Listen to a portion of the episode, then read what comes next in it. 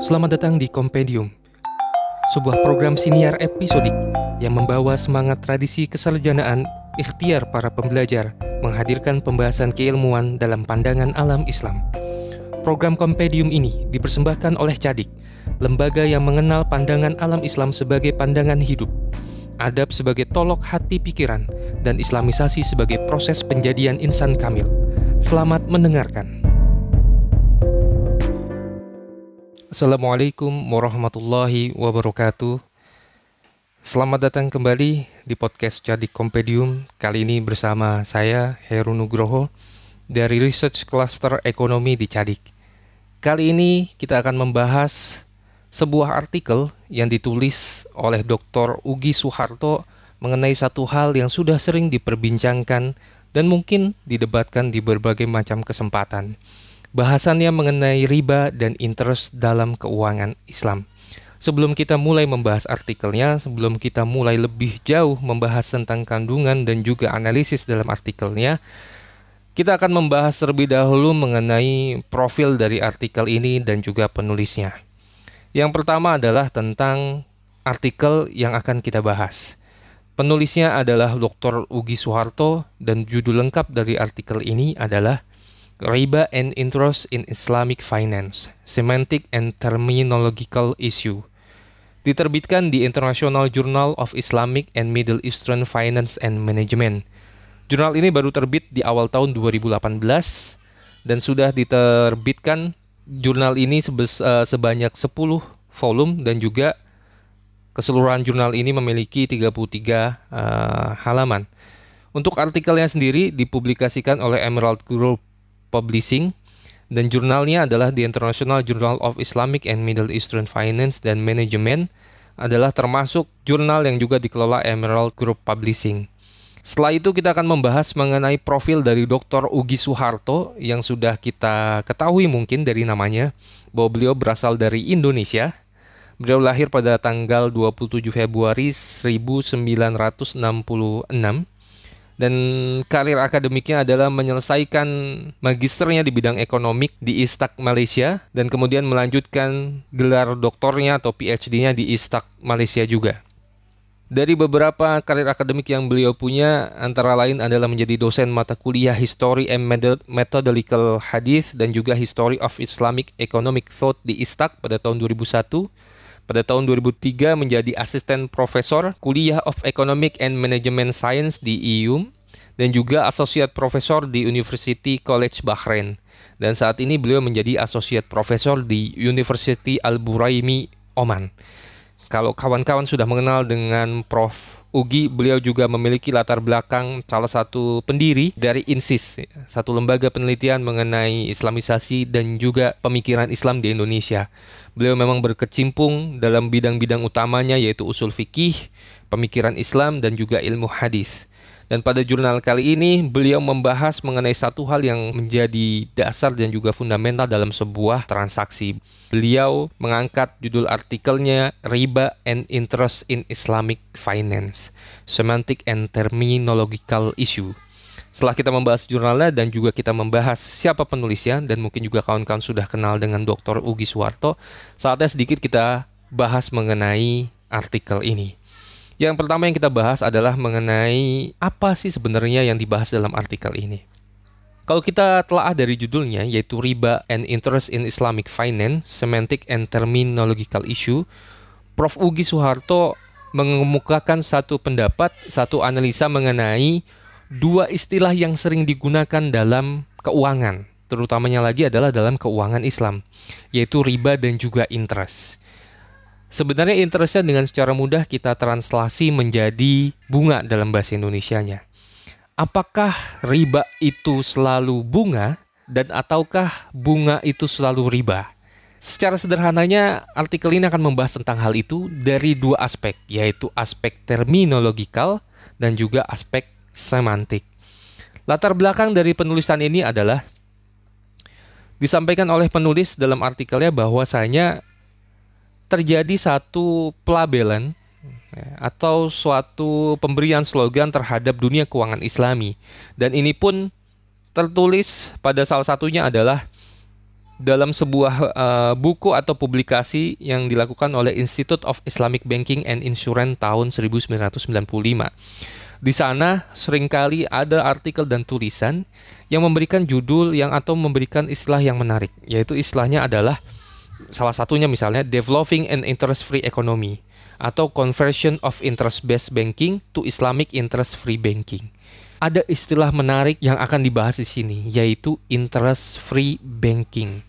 Istilah ini sering disematkan kepada industri keuangan Islami dan menjelaskan atau memberikan kesan bahwasanya keuangan atau industri keuangan Islami itu bebas bunga atau bebas interest. Namun, penulis atau Prof Ugi mengatakan bahwa hal ini tidaklah tepat. Seharusnya yang tepat digunakan adalah riba free banking, yaitu perbankan yang bebas riba, bukan hanya bebas bunga. Mengapa? Beliau membahas bahwasanya ada beberapa interest atau beberapa bunga yang tidak termasuk riba dan ada juga riba yang tidak berkaitan dengan bunga. Dan inilah yang ingin dibahas secara keseluruhan dalam artikel tersebut dengan melakukan beberapa pendekatan. Yang pertama adalah pendekatan secara terminologikal dan yang kedua adalah pendekatan secara semantik. Dan penjelasan uh, metodologi yang digunakan dalam artikel ini adalah menggunakan teknologi komparat uh, menggunakan metodologi komparatif konseptual analisis, yaitu membandingkan dua konsep antara interest dan juga riba.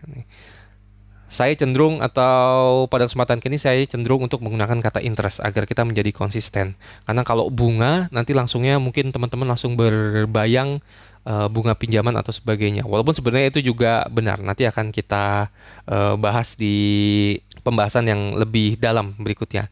Nah, itulah inti dari bagaimana artikel ini akan kita bahas pada kesempatan kali ini. Mencoba mendudukan apakah benar setiap interest itu riba dan setiap riba itu interest atau justru sebaliknya. Nah, di sinilah kita akan mulai pembahasan kita. Setelah kita mengetahui latar belakang dan juga metodologinya, pembahasan yang dilakukan oleh Prof. Ugi melakukan tiga pembahasan atau tiga bagian pembahasan utama. Yang pertama adalah melakukan analisis konseptual dan semantik antara interest dan riba. Yang kedua, memberikan contoh bahwasanya terdapat interest atau bunga yang tidak termasuk riba. Dan yang ketiga, memberikan contoh atau argumen bahwa ternyata ada riba yang juga tidak melibatkan dan tidak terkait dengan bunga. Nah, itulah yang nanti akan kita bahas. Dan kita mulai dari pembahasan yang pertama, yaitu analisis konseptual dan semantik dari interest dan riba. Prof. Ugi langsung membahas hal ini diawali dengan pembahasan melalui sisi aga, uh, sisi bahasa. Dikatakan bahwasanya interest atau bunga itu berasal dari bahasa Inggris, sedangkan riba berasal dari bahasa Arab. Yang satu yaitu merupakan istilah ekonomi, sedangkan yang lainnya adalah istilah berasal dari hukum atau fikih Islam. Dua istilah ini memiliki latar belakang yang sangat berbeda. Bahkan secara bahasa, kata riba itu tidak tepat dibahasa Inggriskannya menjadi interest karena beberapa hal. Yang pertama adalah di sini dibahas Prof. Ugi menuliskan pada terjemahan Al-Quran bahasa Inggris yang disusun oleh Abdullah Yusuf Ali misalnya, secara konsisten bahasa Inggris untuk riba itu bukan interest tapi usury. Nah, usury ini dalam bahasa Inggris memiliki definisi yang berbeda sekali dengan arti kata uh, interest itu gitu. Dikatakan bahwasanya usury itu dalam bahasa Inggris berarti when money is lent on a contract to receive not only the principal sum again but also an increase by way of compensation for the use. The increase is called interest by those who think it lawful, lawful and usury by those who do not. Jadi ternyata bahasa yang tepat, bahasa Inggris yang tepat untuk menggambarkan riba itu usury yang artinya adalah ketika orang meminjamkan uang kepada yang lain dan kemudian ada tambahan selain hutang pokoknya dan itu melanggar hukum, maka itu disebut usuri. Tapi jika itu sesuai dengan hukum yang berlaku, maka disebutnya interest. Nah, hal ini aja uh, sudah sangat berbeda. Tapi pada praktik lapangannya, seperti yang tadi dibahas di awal, banyak akademisi yang menggunakan kata interest untuk mengartikan riba atau sebaliknya menggunakan kata riba untuk mengartikan interest dan ini akan menciptakan satu kebingungan dan itu akan berakibat fatal terhadap industri dan juga uh, bisnis keuangan yang ada. Lalu apa sebenarnya definisi interest atau bunga misalnya uh, menurut pendapat dari Majelis Ulama Indonesia? Majelis Ulama Indonesia pernah mengeluarkan fatwa mengenai haramnya riba pada tahun 2004. Kita bisa cek definisinya. Saya akan bacakan ya. Di sini adalah pengertian bunga atau interest dan riba. Pengertian bunga menurut Majelis Ulama Indonesia adalah tambahan yang dikenakan dalam transaksi pinjam uang atau qard yang diperhitungkan dari pokok pinjaman tanpa mempertimbangkan pemanfaatan atau hasil pokok tersebut berdasarkan tempo waktu, diperhitungkan secara pasti di muka dan pada umumnya berdasarkan persentase. Jadi ternyata yang menarik yang perlu digarisbawahi dalam fatwa MUI mengenai bunga ini dijelaskan adalah tambahan yang dikenakan dalam transaksi pinjam uang. Nah, jadi ketika ada transaksi pinjam uang, nah, arti kata riba adalah ketika ada transaksi dalam uh, transaksi pinjam uang dan ada kelebihan, nah di sanalah akan ada riba gitu. Di sanalah akan ada bunga. Itulah bunga yang diharamkan oleh Majelis Ulama Indonesia dalam fatwanya tahun 2004, yaitu kelebihan yang terdapat dari transaksi pinjaman uang. Nah, ini yang yang yang harus kita garis bawahi bahwa transaksi yang tidak boleh ada tambahannya yaitu adalah transaksi pinjaman uang dan ini adalah definisi bunga. Nah, itu yang pertama. Jadi secara bahasa antara riba dan interest atau riba dan bunga sudah memiliki latar belakang bahasa yang berbeda. Oleh karenanya tidak pas atau tidak sesuai ketika dua definisi ini saling dipertukarkan.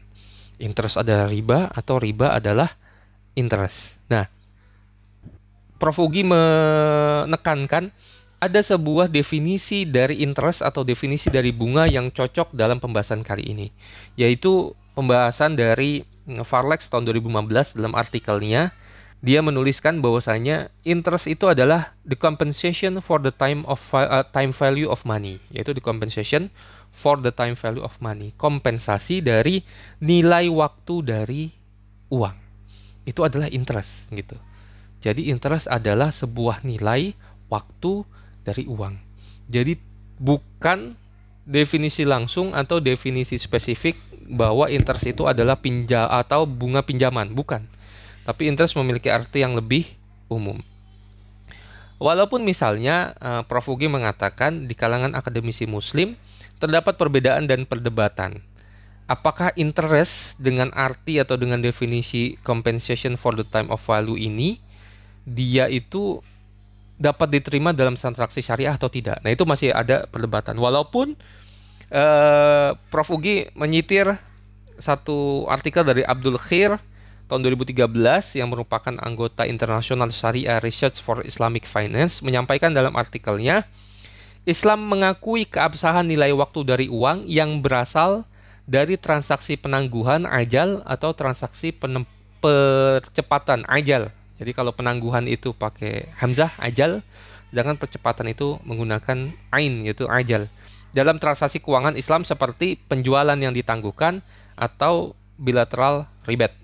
Nah, jadi menurut Abdul Khair, eh, Islam itu mengakui time value of money, tapi hanya untuk transaksi keuangan yang ditang yang ditangguhkan atau yang dicepatkan dan itu terjadi hanya untuk dua transaksi, yaitu transaksi penjualan secara kredit dan juga transaksi bilateral rate gitu.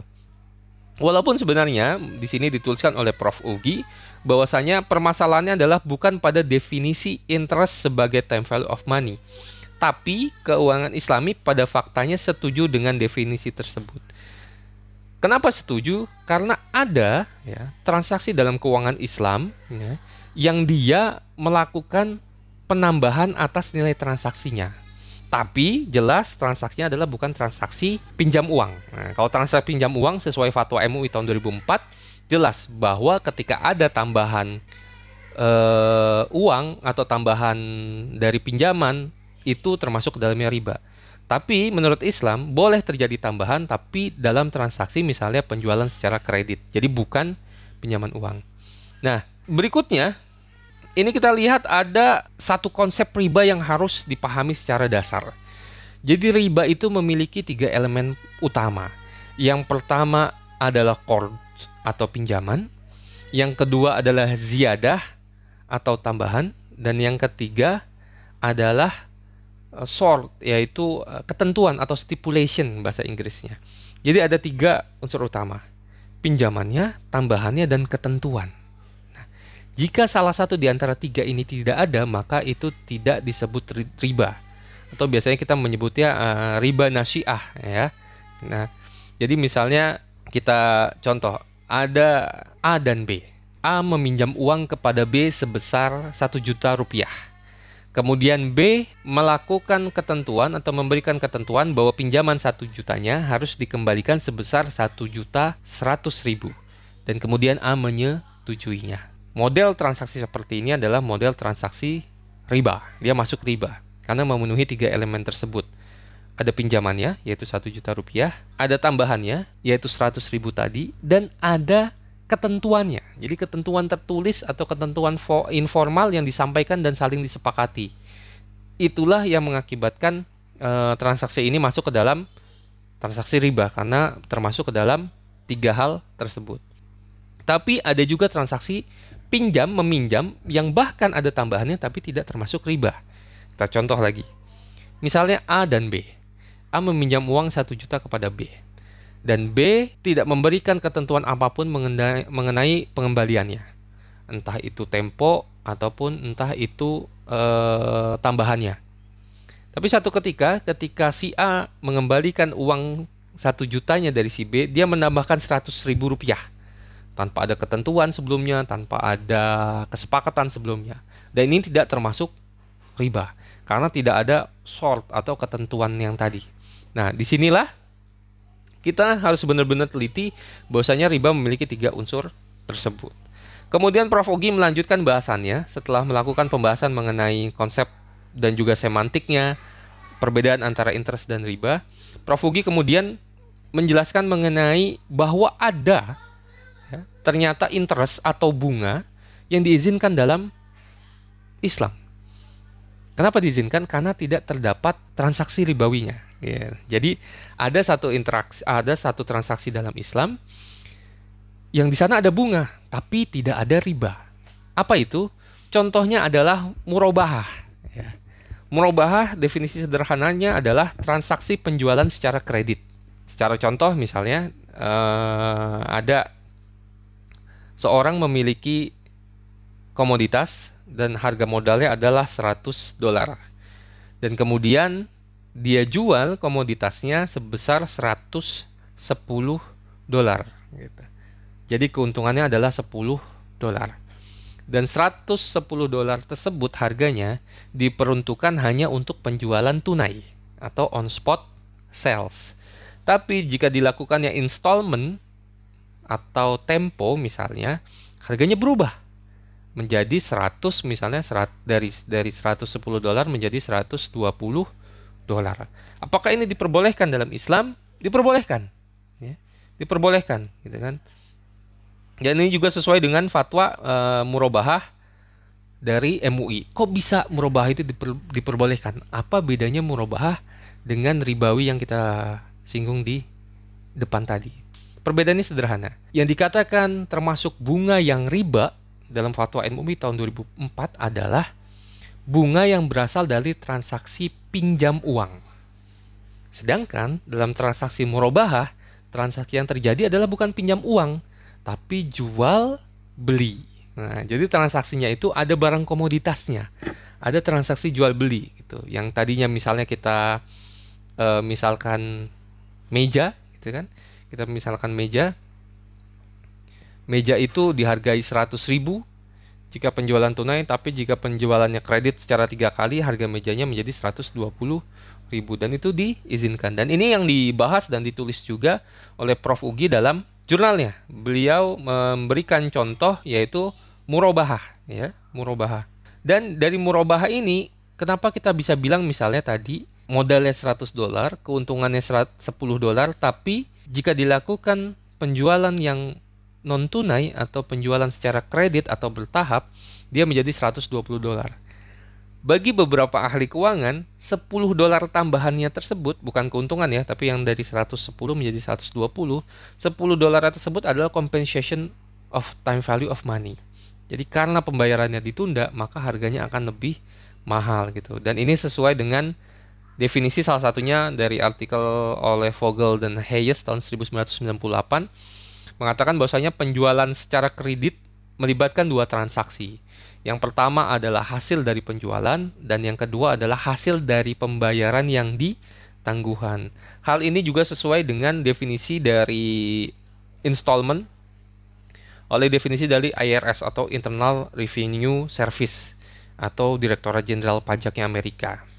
IRS menyatakan bahwasanya each payment on on installment sales usually consists of the following three part: interest income, return of your adjusted basis in the property and gain on sale. In each year you receive a payment, you must include in income both the interest part and the part is your gain on the sale. Jadi IRS mengatakan bahwasanya kalau dalam installment sale itu ada tiga unsur. Yang pertama adalah keuntungan bunga dan yang kedua adalah keuntungan return of your adjusted basis in the property atau keuntungan dari hasil propertinya yang tiga adalah keuntungan penjualan. Nah, jadi penambahan biaya atau penambahan harga ketika tidak dibayar secara tunai itu termasuknya juga interest gitu. Tapi interest atau riba di uh, interest atau bunga di sini, maaf, bunga itu tidak ada ribanya. Karena dia bukan termasuk pinjaman uang, tapi dia termasuk penjualan barang, penjualan komoditas dan itu diperbolehkan.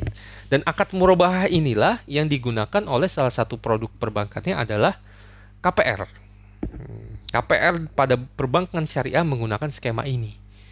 Yaitu ketika nasabah ingin membeli sebuah rumah, nasabah melakukan pemesanan kepada bank syariah.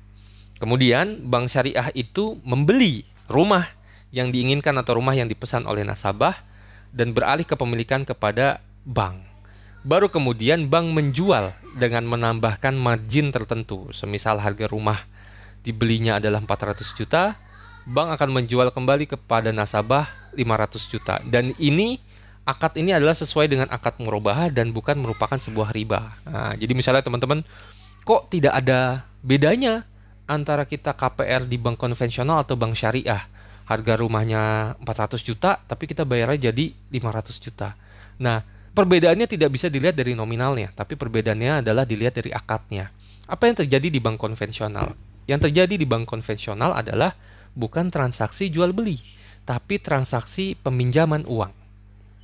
Ketika nasabah ingin melakukan pembelian rumah, maka bank konvensional memberikan pinjaman uang kepada nasabah. Untuk kemudian uang tersebut bisa dibelikan rumah yang diinginkan dan kemudian pinjaman pokok tersebut memiliki bunga yang harus dibayar secara keseluruhan. Nah, itu yang dilakukan oleh bank konvensional. Sedangkan pada akadnya bank syariah yang terjadi adalah bank syariah menjual kembali rumah yang sudah dibeli oleh bank syariah dan ini sesuai akad murabahah. Nah, di sini jadi jelas nih bahwasanya ternyata riba dan interest itu berbeda. Bahkan ada interest atau bunga yang terjadi dalam transaksi Islami tapi tidak ada ribanya. Nah, ini adalah murabahah dan di sinilah uh, Prof Ugi menyampaikan hal yang sangat krusial yaitu bahwasanya ternyata ada ya interest yang tidak ada ribanya. Dan kemudian Prof Ugi melanjutkan bahasannya ke bahasan berikutnya yaitu ada riba yang juga tanpa bunga. Hmm, ada riba yang juga tanpa bunga gitu. Dan ini jadi sangat menarik dan juga akan memperjelas pandangan kita bahwa tidak selamanya bunga itu riba dan tidak selamanya riba itu bunga. Nah, yang contoh berikutnya ketika ada riba tanpa bunga, kita mulai contohnya Prof Ugi langsung e, memaparkan mengenai salah satu konsep lagi dari riba yaitu mengenai barang ribawi. Jadi terdapat beberapa komoditas yang disebutnya adalah barang ribawi atau barang-barang yang mempunyai tingkat risiko tinggi untuk menjadi riba ketika dipertukarkan sesama jenis atau berbeda jenis. Barang-barangnya contohnya adalah emas, perak, bahan makanan, atau yang lainnya. Nah, jadi kenapa emas dan perak misalnya jadi jadi jadi dua urutan pertama? Karena emas dan perak ketika itu adalah menjadi currency atau menjadi mata uang. Dan ketika dipertukarkan sangat riskan ter sekali terjadi eh, perbedaan nilai. Nah, perbedaan nilai itulah yang akan mengakibatkan eh, munculnya riba. Nah, ini konsep awalnya bahwa ternyata ada barang-barang yang termasuk namanya adalah barang ribawi dan kalau dia dipertukarkan sesama jenis atau selain jenis dia akan menghasilkan transaksi riba. Hmm. Dan salah satunya adalah yang jamak terjadi kali ini adalah transaksi pertukaran uang. Hmm, tapi transaksi pertukaran apa? Jadi gini, ada satu kaidahnya dalam pertukaran barang ribawi. Jika dia barangnya sejenis, maka agar tidak terjadi riba harus memenuhi beberapa syarat. Yang pertama adalah jumlah timbangannya sama. Jadi 2 2 kg beras harus ditukar dengan 2 kg beras atau 2 gram emas harus ditukar dengan 2 gram emas. Itu yang pertama. Dan yang kedua harus dilakukan secara tunai. Tunai itu maksudnya di satu tempat yang sama dan di satu waktu yang sama.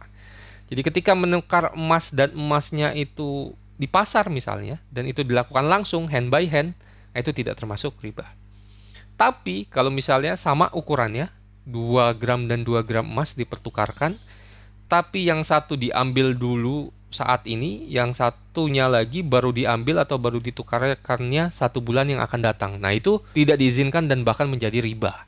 Nah, karena terjadi delay atau terjadi penundaan transaksi.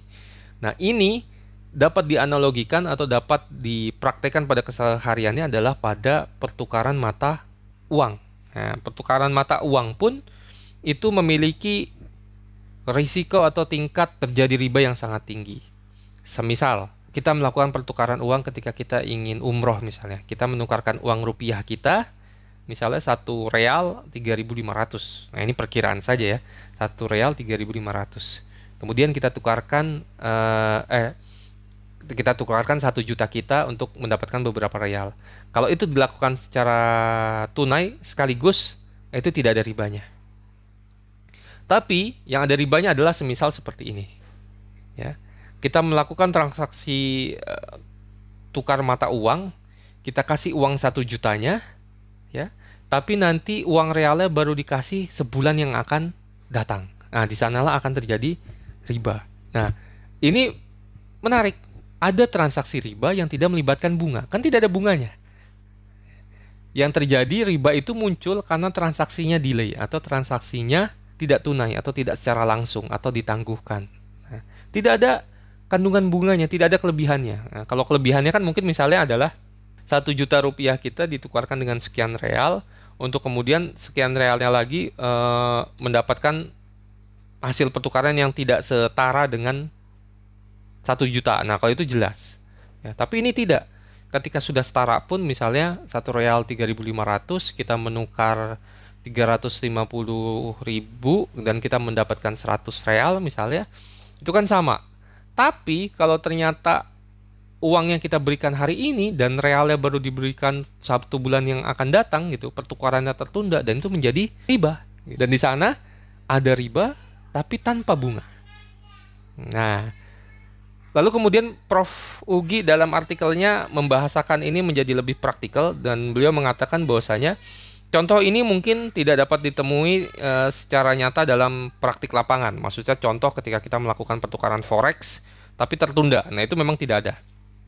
Tapi ada, beliau menyampaikan satu contoh yang kemungkinan secara teoretikal dapat terjadi, yaitu adalah pada contoh e, namanya satu transaksi e, pertukaran currency atau pertukaran mata uang disebutnya adalah currency forward. Nah, currency forward ini adalah satu transaksi currency yang sebenarnya uh, mirip mirip dengan hedging atau nilung nilai. Jadi uh, perusahaan currency forward menetapkan currency-nya untuk kemudian pada tanggal yang ditentukan ya si pemegang polis currency forward ini akan membayarkan uh, jumlah yang sesuai disepakati. Jadi misalnya terjadi transaksi uh, impor saya ingin memastikan agar saya tidak rugi gitu kan saya ingin menukarkan eh, satu miliar saya dengan dolar gitu. Dan kesepakatan di awal saya akan menukarkan satu miliar saya dengan dolar dengan kurs satu dolarnya adalah eh, 16.000 ternyata ketika tanggal transaksi dolarnya sebesar 15.500 kalau dolarnya sebesar 15.500 nah berarti si penjual polis itu akan mendapatkan keuntungan. Tapi kalau dolarnya misalnya jadi 6.700, si penjual polisnya rugi, tapi yang untung adalah uh, saya sebagai importir misalnya atau saya sebagai pemegang polis ya. Dan ini contoh dari currency forward. Pada kondisi bagaimana terjadinya tidak ada kelib, tidak ada interest tapi terjadi riba adalah semisal angka yang disepakati dalam currency forwardnya adalah uh, tidak lebih atau tidak kurang. Jadi pas penjualnya tidak rugi, pembeli polis currency forwardnya juga tidak rugi. Jadi misalnya saya bersepakatnya itu adalah 16.000, ternyata ketika on apa ketika di tanggal due date-nya nyata harga dolarnya juga 16.000. Nah, itu impas. Saya saya tidak untung tidak rugi, penjual currency forwardnya juga tidak untung tidak rugi. Dan ini contoh dari riba juga. Karena pertukaran uangnya tidak dilakukan secara tunai walaupun tidak ada kelebihan. Karena impas saya tidak mendapatkan keuntungan dan kerugian, saya penjual currency forward juga tidak mendapatkan keuntungan dan kerugian. Nah, di sanalah Prof Ugi memberikan bukti argumen bahwasanya ada juga riba yang terjadi bahkan tanpa bunga atau tanpa interest. Di setelahnya Prof Ugi menjelaskan mengenai diagram Venn, ya, diagram Venn dua, dua, dua lingkaran. Lingkaran satu adalah interest atau bunga, lingkaran kedua adalah riba. Dan lingkaran itu bertemu pada satu titik dan dia memiliki tiga arsiran. Yang pertama adalah bunga yang tidak ada ribanya. Yang kedua adalah riba yang tidak ada bunganya dan arsiran ketiga yang saling bertemu adalah bunga yang juga riba. Di sinilah Prof. Ugi mencoba menyimpulkan bahwasanya mempertukarkan istilah antara interest atau bunga dan riba itu tidak tepat. Karena seperti tadi kita sudah bahas uh, di awal bahwa ternyata ada juga interest atau bunga yang tanpa riba yaitu pada penjualan kredit murabahah misalnya. Dan ada juga penjualan yang dilakukan uh, ada juga transaksi yang dia itu ribawi tapi juga tidak ada bunganya yaitu misalnya currency forward yang impas. Gitu kan currency forward yang impas yang tidak untung dan juga tidak rugi. Di sana juga tidak ada tambahan ya, tapi tetap dia menjadi transaksi ribawi. Kenapa? Karena mempertukarkan currency atau mata uang tidak secara langsung. Nah, dan di diagram Venn itu tergambar bahwasanya ada riba yang juga bunga, ada riba yang tidak berbunga dan ada juga bunga yang tidak riba. Nah, di sinilah Prof. Ogi mencoba mendudukan permasalahannya menjadi lebih uh, sederhana yang tadi ya menggunakan dengan skema semantik dan uh, komparatif konseptual analisis. Jadi membandingkan bahwa dua konsep ini tidak bisa dipersamakan.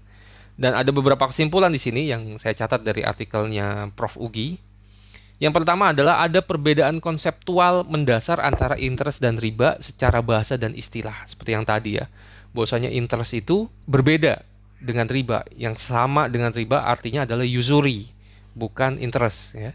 Dan itu juga berasal dari dua latar belakang hukum yang berbeda. Yang satu adalah dari disiplin ilmu keuangan dan finansial atau keuangan dan perbankan dalam bahasa Inggris. Yang satu adalah dari segi transaksi Islami dalam fikih Islam. Dan yang kedua adalah interest dan riba bisa dipisahkan dengan argumen bahwa ada interest tanpa riba dan ada riba tanpa interest. Dan yang ketiga, Islamic finance itu seharusnya melarang riba, bukan melarang bunga. Nah, inilah yang jadinya agak membingungkan bagi kawan-kawan yang mungkin baru berkenalan dengan beberapa produk-produk perbankan syariah dan berkata dalam hatinya, "Wah, kok produk perbankan syariah nampaknya sama saja seperti produk perbankan pada umumnya." Saya KPR, saya beli rumah yang harganya 400 juta, tapi saya harus membayar 500 juta. Nah, itu bunga kan? Nah, akhirnya terjadi perbedaan karena terjadi pelabelan bahwasanya bank syariah itu bebas bunga. Dan itu menurut Prof Ugi salah. Yang benar perbankan syariah bebas riba. Nah, Karena ada juga bunga yang diperbolehkan dalam Islam seperti yang sudah kita bahas tadi. Dan beliau uh, Prof Ugi juga mengusulkan untuk karakter atau sebutan ya, slogan untuk interest free finance tidak tepat melainkan harusnya adalah riba free finance.